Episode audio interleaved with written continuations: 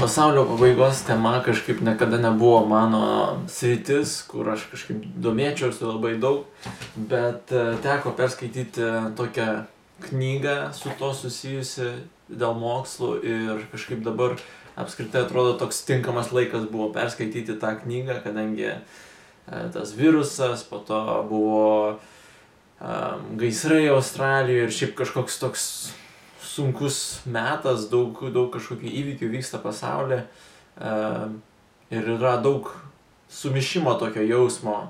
Facebook'e matau kažkas uh, papaustina, kad čia maždaug jau paskutiniai laikai, saugokitės, uh, dabar pasaulio pabaiga. Tai pagalvojau, kad labai laiku man buvo šitą knygą pačiam perskaityti, kadangi pats niekada nesigilinau tą temą, kaip pasaulis turėtų baigtis, kaip Biblija ką apie tai sako iš tikrųjų. Ir pasirodo, kai nesigilini, kai pats nesidomi, tai gaunasi taip, kad kažkas kitas formuoja tavo, tavo nuomonę iš kažkokių mažų ten pasakymų, iš kažkokių um, bairių netgi, uh, iš uh, Facebook'e postų ir filmų netgi. Šita knyga yra apie seriją knygų, kuri vadinasi Paliktieji, Left Behind.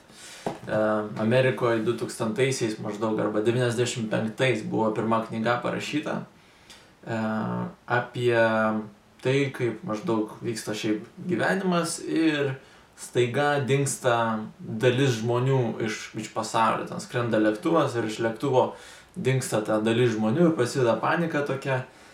E, visi galvoja, kas čia vyksta ir maždaug ant to viskas paremta, kad tik, tikri krikščionys yra paimti ir dabar vat, likusieji žmonės, jie eina per visokius sunkumus, per kataklizmas ir dar turi galimybę išgelbėti. Ir va tie pagrindiniai veikėjai, jie maždaug gelbėjasi per tas 12 knygų iki Jėzaus to tikrojo paskutinio ateimo. Tai viskas kaip ir bazuojas ant tų tokių, ant va tokios teologijos, atrodo, šiaip filmas arba šiaip knyga, a, tai yra grožinė literatūra, bet kaip ir reikalauja tokio atsako, formuoja mąstymą ir turi neša su savim savo mąstyseną visą, savo nuomonę apie, apie vairius dalykus ir mes pažiūrėsime apie kokius. Man labai padėjo uh, pasinagrinėti šitą temą, nes atsakiau savo tokius klausimus, kaip pavyzdžiui, ko, iš kur tas toks krikščioniškas susidomėjimas Izraeliu, kodėl uh, nu, iš dalies suprantama, jo ten tikrai Jėzus vaikščiojo, bet iš kur tas va toks, vos ne, melskime už Izraelį, Izraelis labai, labai svarbu ir čia maždaug kažkoks ypatingas dėmesys. Tai jo, apie, apie tai, kaip skaityti apriškimo knygą ir apie tas visas konspiracijos teorijas, apie kaip, kaip turėtų pasaulis baigtis ir kaip krikščionis turėtų į tai reaguoti. Ta knygų serija Paliktieji yra iš tikrųjų kaip ir parašyta ant tokio, tokios teologijos, tokio supratimo, kuri daugelis protestantų um, denominacijų išpažįsta. Ir greičiausiai jūs žiūrint, aš irgi atpažinau savį tų vat, uh, tokį supratimą, kad aš nors nesidomėjau tą temą, bet prisigaudęs iš visur po truputį maždaug kažką tokio įsivaizduoju. Žinau, kad ten labai sudėtingai pabaigoje Biblijoje aprašyta, bet kažkaip maždaug taip turi būti. Ir uh, ta knyga yra parašyta uh, remdamasi tokiu vat, uh, supratimu. O tas supratimas toks yra. Ateina tas slaptas paėmimas, po to septyni metai kančios, po to ateina apsireiškia antikristas, po to yra kova tarp jo ir Dievo Armagedonas, po to yra tūkstantmetinė karalystė ir po to vėl šetonas truputį turi laisvės ir vėl jis nu, nuverstas yra ir tada jau paskutinis tas a, amžinybės toks a, laikotarpis. A, o kaip įdomu pažiūrėti dabar, kaip suprasti, kaip išsivystė tavo tokia teorija, tokia, toks supratimas, a, sistema visas ir a, iš kur, iš kur atėjo, nes realiai tokia sistema buvo sugalvota arba pradėjo vystytis XIX amžiuje, prieš tai e, krikščionis skirtingai suprasdavo, kitaip, e, dabar į tai nesigilinsim, dabar iš karto pradėsim nuo XIX amžiaus, reikia suprasti, tos faktorius, tos priežastis, kodėl tokia teorija galėjo gimti. Visų pirma, tai buvo kaip atsakas į darvinizmą ir, litera, ir liberalumą, kuris bažnyčiose kituose vyravo ir maždaug grupė, grupė bažnyčių kitų, kurios labiau konservatyvios buvo, susirinko į, į konferencijose iš tokio bendro noro kažkaip pasipriešinti tam, tam, tikrus, tam tikras doktrinas, sutarė dėl tam tikrų doktrinų, tuo tarpu ir va, dėl šitos sistemos supratimo e, pabaigos buvo tokiu būdu. Ir e, jie maždaug norėjo pasakyti, kad Biblija yra tvirtas pamatas, Biblijoje yra pranašyščių, kurios išsipildžiusios, todėl Bibliją galima pasitikėti, didelį dėmesį deda į, į, į pranašystės ir va todėl iš visų va tų skaitant pažodžiui apreiškimą, taip pat sudėlioja tą pabaigą. Taip pat reikia suprasti visą chaosą, kuris ir, tą, tą tokį gyvenimo sudėtingumą ir kančią, kuri vis augo tuo metu ir pasiekė tam tikrą piką su pirmu pasauliniu karu.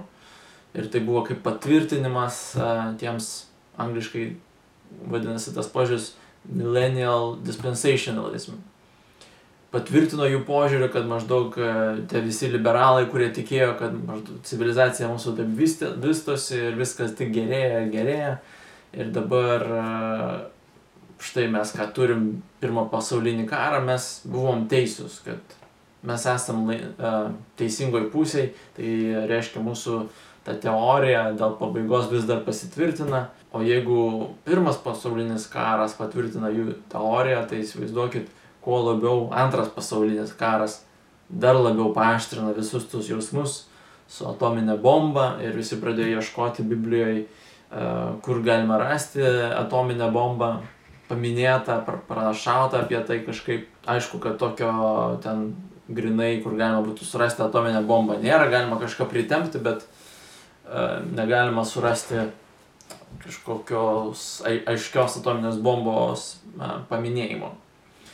Kitas dalykas, kuris dar labiau paaštrina visą tą apokaliptinę tokią nuotaiką ir supratimą, kad dabar greitai jau pabaiga, buvo Izraelio formavimas, Izraelio valstybės formavimas po to dar po 20 metų Jeruzalės patekimas į, į žydų rankas, kai jie po šešių dienų kovos gavo Jeruzalę.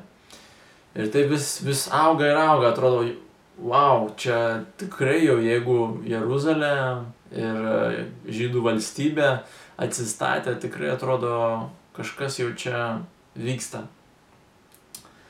Kiti dalykai yra tokie kaip natūralus susidomėjimas, tiesiog pabaiga yra pilna netikinčių žmonių, kurie parašė knygas e, ir filmų pilna prikurta e, apokaliptinio žanro apie pabaigą. E, taip pat pagrindinis turbūt labiausiai, kuris man padeda suprasti tą susižavėjimą, va, tokių va, supratimų pabaigos yra noras saugumo tokiam neramiam pasaulyje, neramiam laikotarpį norisi įsikabinti į kažkokius tai faktus, kurie duotų ramybę, e, duotų saugumą, kad maždaug tu žinai tą informaciją ir tu esi vidiniam, vidiniam tokiam rate, plus tu kaip ir gauni raktą, žinodamas tą, tą pabaigą, tu žinai, kaip išsigelbėti, tu žinai, kaip būti saugioj pusėje.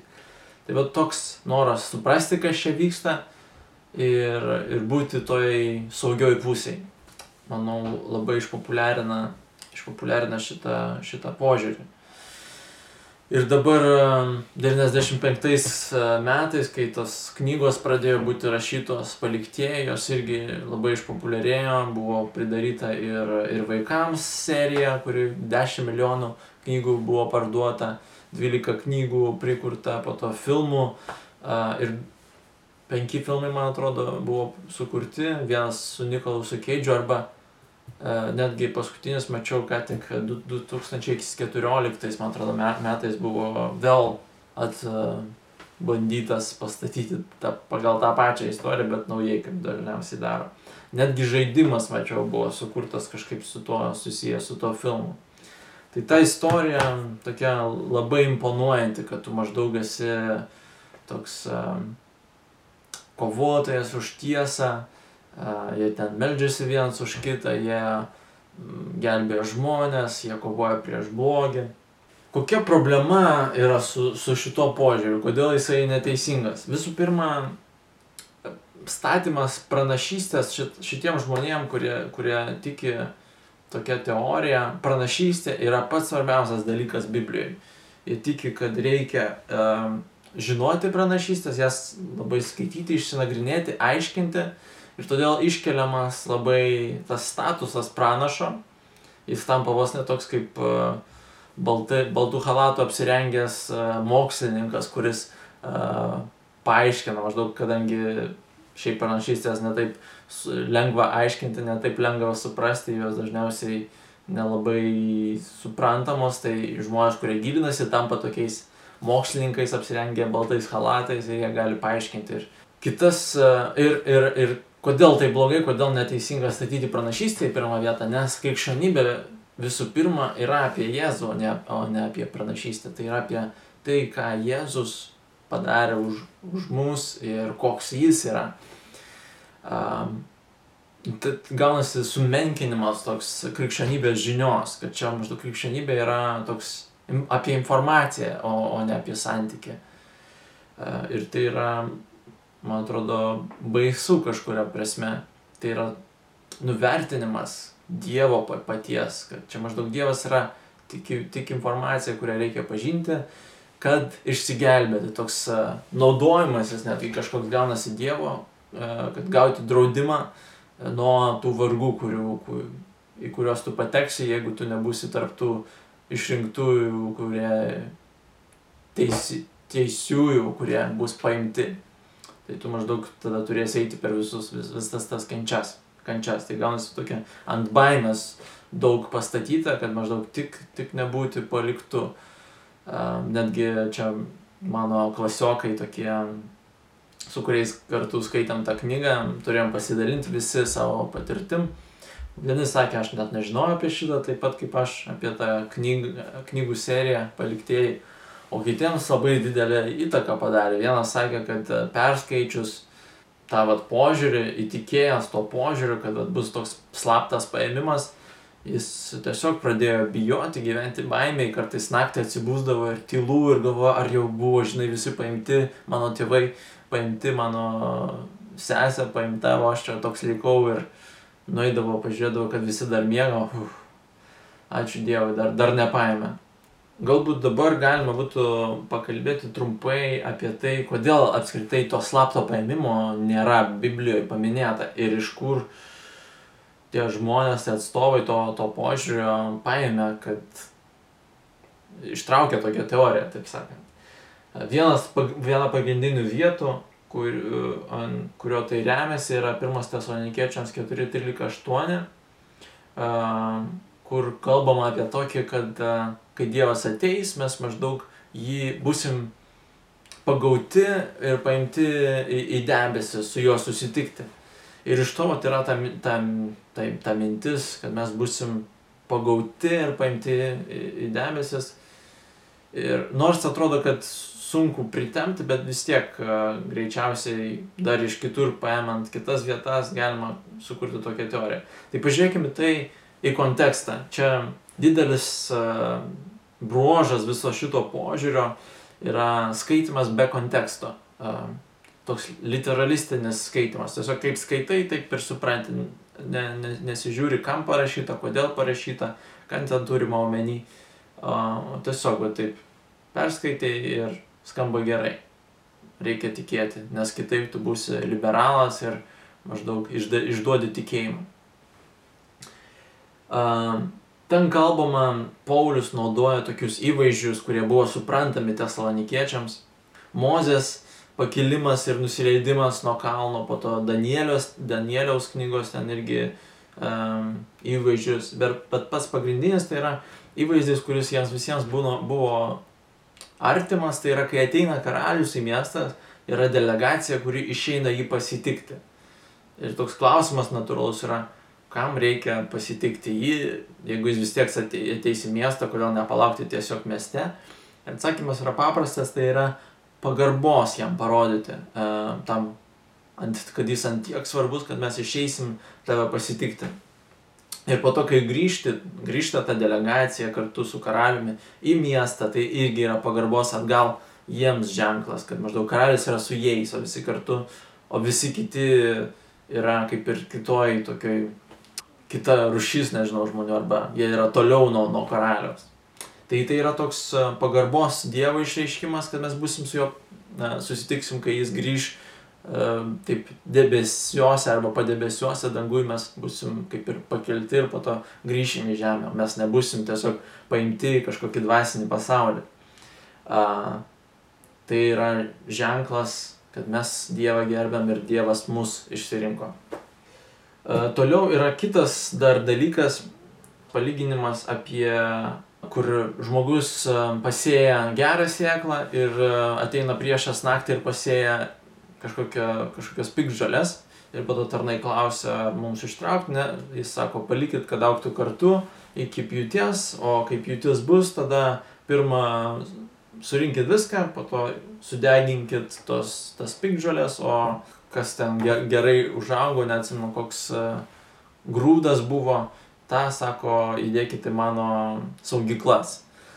O tie du žmonės, kurie pagrindiniai buvo kūrėjai tos sistemos, e, Darbis ir Scofieldas, e, tas Scofieldas parašė Biblijos komentarą ir jis realiai tiesioginė ta žodžio prasme manipuliuoja raštą ir išverčia tvarką, kaip viskas turi įvykti. Sako, kad pradžioj turi būti surinkti tie, tie kviečiai, tai yra tikintis turi būti surinkti, o po to bus sudeginti pikdžiolės, tai yra netikintis su netikinčiais bus tvarkoma. Kai Biblijoje aišku parašyta, kad tegu auga iki galo kartu, o po to uh, bus tvarkomasi su netikinčiais pradžioje, po to su tikinčiais. Dabar galim apie Izraelį pakalbėti. Kodėl Izraelis yra visą laiką akcentuojamas ir iškeliamas, uh, kaip jeigu Naujojo testamento rašytojai nekalba apie, apie Izraelio svarbą pabaigai, Taigi tas supratimas Izraelio svarbos yra iš keletos vietų.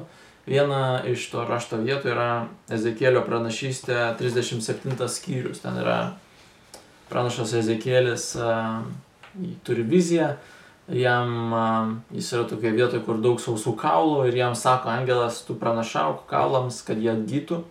Jis pranašauja ir kalnai pradeda atgyti, pradeda susirinkti vieną vietą, ten ant jų užauga mėsa, po to oda ir po to Dievas įpučia dvasę ir, ir tie kaulai kaip tam, tampa žmonėm.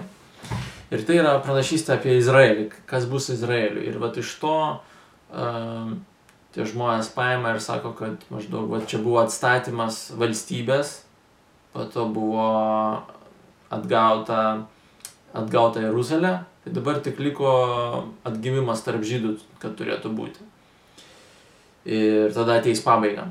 Ir todėl jie mato, kaip padėti tam atgimimui tarp žydų, evangelizuojant. Ir taip pat mes pakalbėsime apie šventyklos atstatymą. Jie irgi mato, kad turi būti šventykla atstatyta, kad ateitų pabaiga.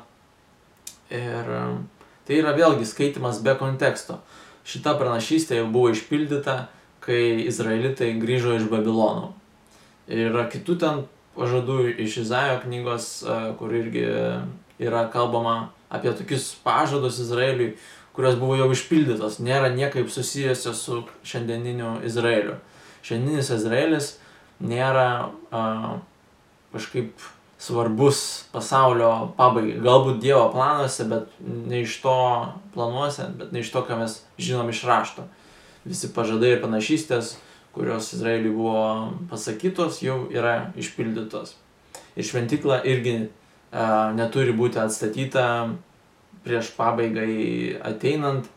Mes skaitom, Paštaus Paulius sako, kad dabar bažnyčia yra šventikla, kad dabar nebereikia aukų, nes Jėzus buvo ta tobuliausia auka, kurią galima buvo atiduoti, tad šventikla nebeturi prasmės. Ir netgi, netgi žydai ortodoksai ne visi taip akcentuoja tą šventiklos atstatymą. Bet yra tokių ultra radikalių, kartais net nežydų, tiesiog nacionalistinių organizacijų, kurios labai tą akcentuoja. Ir jeigu mes turim to, tokią mąstyseną, kad Izraelis maždaug svarbus, kad pranašystė išsipildytų ir ateitų pabaiga, tada mes pradedam finansuoti Izraelį, mes pradedam iškelti Izraelį kažkokią svarbesnę vietą už Palestiną, palestiniečius, net, net jeigu jie krikščionis, kažkaip jie vis tiek mažiau svarbus negu, negu žydai. Nes žydai patarnauja pranašystės išsipildymui kažkokiam, todėl jie yra svarbus ir mes juos labiausiai mylim. O jeigu kas nori daryti tai, kad tarp palestiniečių ir izraeliečių, tai jis yra susijęs su antikristu. Kažkaip, nes antikristas padarys tai, ką ten artimuose rytuose. Tai joks bandymas daryti taiką ir kalbėtis apie taiką yra, su, bet koks bandymas yra suprantamas kaip kažkoks antikristo darbas. Ne, negali būti jokio kompromiso, žydai e, turi turėti tą, tą Jeruzalę, turi turėti tą vietą, kur dabar musulmonai turi šventiklą. Ir e, tos agresyvios organizacijos, bet, bet nieks nesigilina į, tai, ką tie lyderiai tų agresyvių organizacijų iš tikrųjų tiki. Jie kaip ir kalba apie tam atstatymą šventyklos, ten yra toks institutas šventyklos, kur atstatinėja visus um, dalykus, uh, kurie buvo naudojami uh, šventyklos garbinime, aukų aukojime, jie jau ruošiasi tam, kad kai galės atstatyti šventyklą, bus paruošti visi tie indai, bet nieks nesigilina, kad tas uh, rabinas Arielis, jis turi žiauriai radikalias pažiūras. Pavyzdžiui, kad pirmas įstatymas kur sako, ne pirmas įstatymas, bet vienas iš įstatymų, kur sakoma nežudyk, Dievas kalba nežudyk žydus, o maždaug visi kiti yra kita kategorija ir su jais ten galima visai tvarkytis. Tai va, mane tas supratimas, kad Izraelis ne, nėra toks svarbus pasaulio kažkokiam pabaigai ir Dievo planams dabar išlaisvino kažkuria prasme. Dar noriu um, vieną vietą parodyti, kalbant apie Biblijos manipuliavimą ir, ir ištraukimas dalykų iš konteksto. Tai yra Mato 24 skyrius, uh, kur aš irgi taip skaičiau, realiai, kai greičiausiai daugelis iš mūsų skaitom ir uh, nelabai suprantam, kas čia vyksta, arba suprantam, kad tai yra apie pasaulio pabaigą, o iš tikrųjų čia apie kitą dalyką kalbama. Uh, tai yra ta vieta, kur Jėzus sako mokiniams, jie sako, kokia gražia šventikla, graži šventikla, jis sako, neliks akmens ant akmens čia šitoje šventikloje ir jie sako, koks bus ženklas, kaip čia parašyta mano vertime, koks tavo ateimo ir pasaulio pabaigos ženklas. Ir tada Jėzus aprašo visus tos vargus. Girdėsite apie karus ir karų gandus, žiūrėkite, kad neišsigastumėte, tauta sukils prieš tautą, karalystė prieš karalystę ir taip toliau ir taip toliau. Ir aš visada suprasdavau tai kaip apie pasaulio pabaigą. Bet pasirodo, daugelis komentatorių sako, kad čia yra kalbama mokiniams. Būtų iš tikrųjų truputį keista, jeigu mokiniai paklaustų jį klausimą, o jis jiems atsakytų apie kažką, kas vyks visiškai kažkada toli jiems ne, ne, neaktualių, neaktualių laikų ir dabar šitie žmonės, kurie parašė paliktėjai, sako, kad čia mums parašė, mums aktualu. Dabar vat, visa krikščionybė laukia 2000 metų, o dabar tai pagaliau aktualu, pagaliau galima apie tai mąstyti. Taigi, kame esmė yra, kodėl, apie ką čia kalbama? Pasirodo, kalbama apie ne apie pasaulio pabaigą, o apie amžiaus pabaigą. Koks, koks skirtumas tarp pasaulio ir amžiaus pabaigos? Žydų mąstymė nebuvo tokio dalyko, kad čia maždaug apokalipsė arba tas e, toks sprogimas kažkoks ir viskas baigsis. Jie to nelaukia, todėl jiems natūralus klausimas negalėtų kilti, kada bus apokalipsė. Jie apie kažką kitą klausia. Pagal pranašystės jie laukia naujo amžiaus, naujo laikotarpio kai Dievas jiems žadėjo, kad aš jums duosiu naują širdį, įrašysiu savo įstatymus jums ant širdies, jie laukia tam tikro kaip vėl išėjimo, kai buvo iš Egipto, kai buvo iš Babilono, dabar vat iš Romenų priespaudos išsilaisvinti, Dievas ateis ir karaliaus mums. Ir tas žodis, kur pas mane, mano vertime išverstas pasaulio pabaiga, koks bus pasaulio pabaigos ženklas, tai nėra žodis kosmon graikiškas, kuris verčiamas pasaulis. Tai yra žodis aion, kuris verčiasi kaip amžius, kaip laiko dalis, laiko tarpas.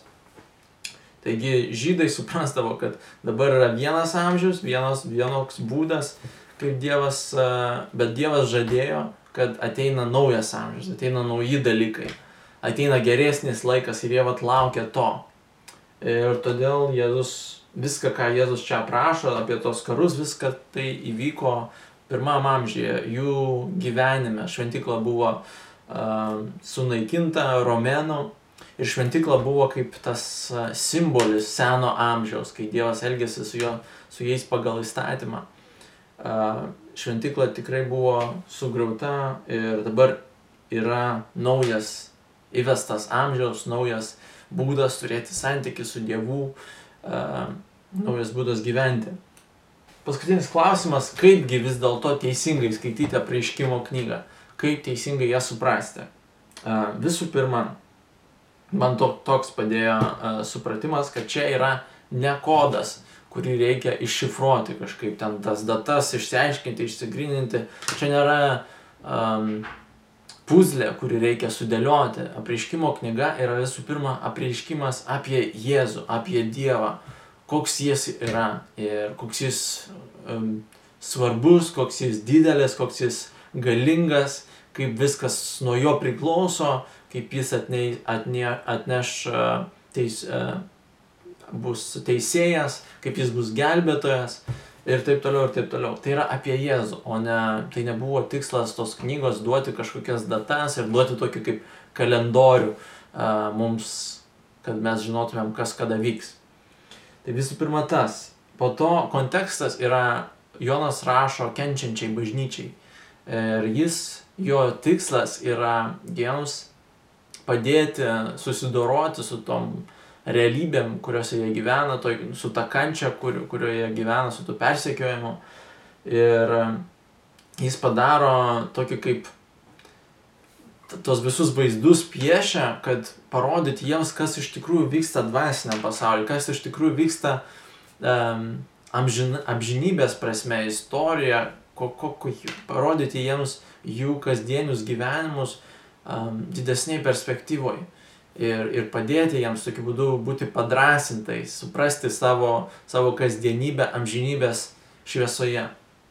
Ir pabaigoje dar autorius kalba apie vaizduotės svarbą. Kad reikia maždaug suprasti, kokie, koks čia tipas literatūros. Jau kalbėjom apie tai, kad čia nėra kodas, kurį reikia iššifruoti. Tai yra, jeigu, jeigu taip galima palyginti, labiau kaip poezija arba labiau kaip um, grožinė literatūra ir jis palygina su, um, kad kalba apie tai, kad vaizduotė visada buvo svarbi krikščionėms, e, visada istorijos mokino krikščionis, kaip gyventi kasdieniam gyvenime, e, kaip elgtis paprastose situacijose.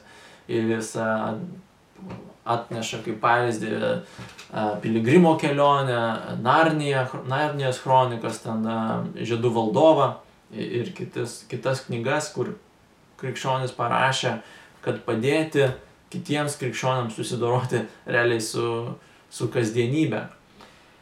Ir jis sako, kad čia maždaug panašus, galima iš dalies suprasti kaip panašų žanrą. Jonas rašo tos visus vaizdus, kad įdarbinti mūsų vaizduotę kažkuria prasme. Ir kaip per piligrimo kelionę, ten yra ta, ta tokia kelionė fiktyvinė, nežinau ar yra lietuviškai toks žodis, netikra kelionė, tai yra įsivaizduojama pasaka, bet skaitydamas tu gali susitapatinti su to pagrindiniu veikėju ir pagalvoti apie savo krikščionišką kelią. Ir kaip tavo gyvenime vyksta dalykai, kaip tu mastai apie, apie nuodėmę, apie išbandymus, apie Dievą. Ir, ir tai įtakoja tavo, daro įtaką tavo krikščioniškam gyvenimui. Taip ir čia jisai sako, Jonas piešia tą vat, paveikslą, su, ir nori, kad mes naudotumėm vaizduotę. Žodžiu, vaizduotės naudojimas um, padeda mums išlaikyti tą atstumą tarp savo kasdienybės ir pažiūrėti iš šono, kaip iš tikrųjų aš atrodau iš šono ir aiškiau suprasti, suprasti kas vyksta.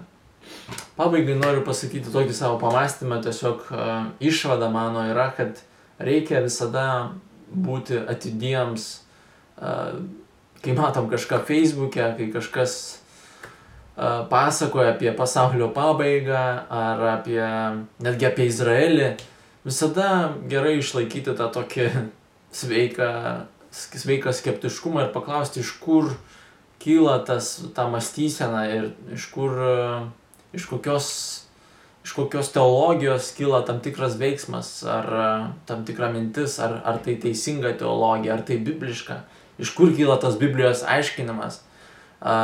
Žmogus kažkokį sapną pasakoja ir sako, kad čia maždaug iš Dievo ir patikrinti visada yra gerai. Paulius mus irgi tai mokina daryti, sako, tikrinkite tas pranašystės, palikite tai, kas gera, išmeskite tai, kas bloga manau, mūsų kontekste, ypač dabartiniam, kai žmonės nori to tokio saugumo ir suprasti, kas vyksta, susidoroti su, su gyvenimu, su, su sunkumais, su, su neiškumu ir kažką tokio stabilaus įsikabinti į kažkokią datą, į kažkokią ženklą, į kažkokią pranašystę. Reikia būti labai atidiems, kad visų pirma išlikti prie tiesos visų kimta negyventi baimėje, nedaryti tokių kažkokių neteisingų sprendimų, kurie pakenks kitiems žmonėms, kaip pavyzdžiui, netgi remimas tų organizacijų arba sumenkinimas Dievo per galvojimą, kad čia maždaug yra draudimas nuo, kad išvengti tų skausmų, kurie bus per, per pasaulio pabaigą.